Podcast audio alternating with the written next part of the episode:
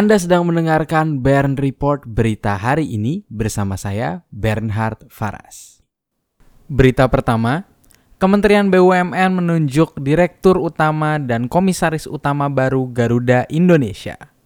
Kementerian Badan Usaha Milik Negara atau BUMN menunjuk Irfan Setiaputra sebagai Direktur Utama baru PT Garuda Indonesia Persero. Pergantian ini adalah tindak lanjut dari skandal yang dilakukan oleh Direktur Utama Ari Ashkara. Keputusan ini ditetapkan pada hari Rabu 22 Januari 2020. Selain Direktur Utama, Kementerian BUMN juga menunjuk mantan Kepala Badan Ekonomi Kreatif atau biasa disebut Bekraf, yaitu Triawan Munaf, sebagai Komisaris Utama. Berita kedua, Yeni Wahid ditunjuk sebagai Komisaris Garuda Indonesia.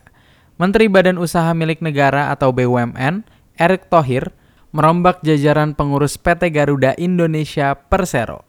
Dalam perombakan ini, Erick Thohir menunjuk Yeni Wahid sebagai Komisaris Garuda Indonesia. Seperti diketahui, Yeni Wahid adalah anak dari mantan Presiden Abdurrahman Wahid atau biasa disebut Gus Dur. Menurut staf khusus Menteri BUMN Arya Sinulinga, Yeni Wahid ditunjuk agar dapat menyelesaikan masalah isu perempuan yang ada di Garuda Indonesia. Berita ketiga, DPR desak komisioner OJK untuk mundur. Komisi 11 Dewan Perwakilan Rakyat atau biasa disebut DPR mendesak anggota Komisioner Otoritas Jasa Keuangan atau biasa disebut OJK untuk mundur.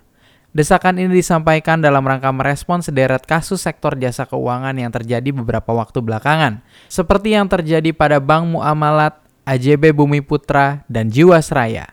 Jika tidak mundur, menurut Komisi 11 DPR, wewenang pengawasan sektor jasa keuangan harus dikembalikan kepada Bank Indonesia atau biasa disebut BI dan Badan Pengawas Pasar Modal dan Lembaga Keuangan atau biasa disebut BAPEPAM LK.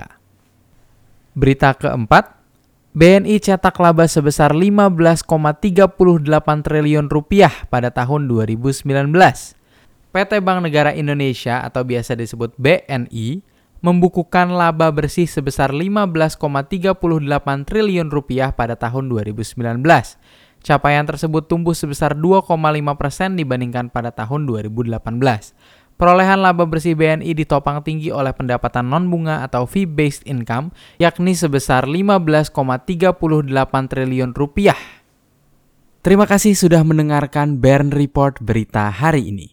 Jangan lupa untuk membagikan kanal ini kepada kerabat Anda, Tekan tombol like dan subscribe untuk mendapatkan kabar terkini setiap pagi dari hari Senin hingga hari Jumat pada pukul 6.30 waktu Indonesia Barat.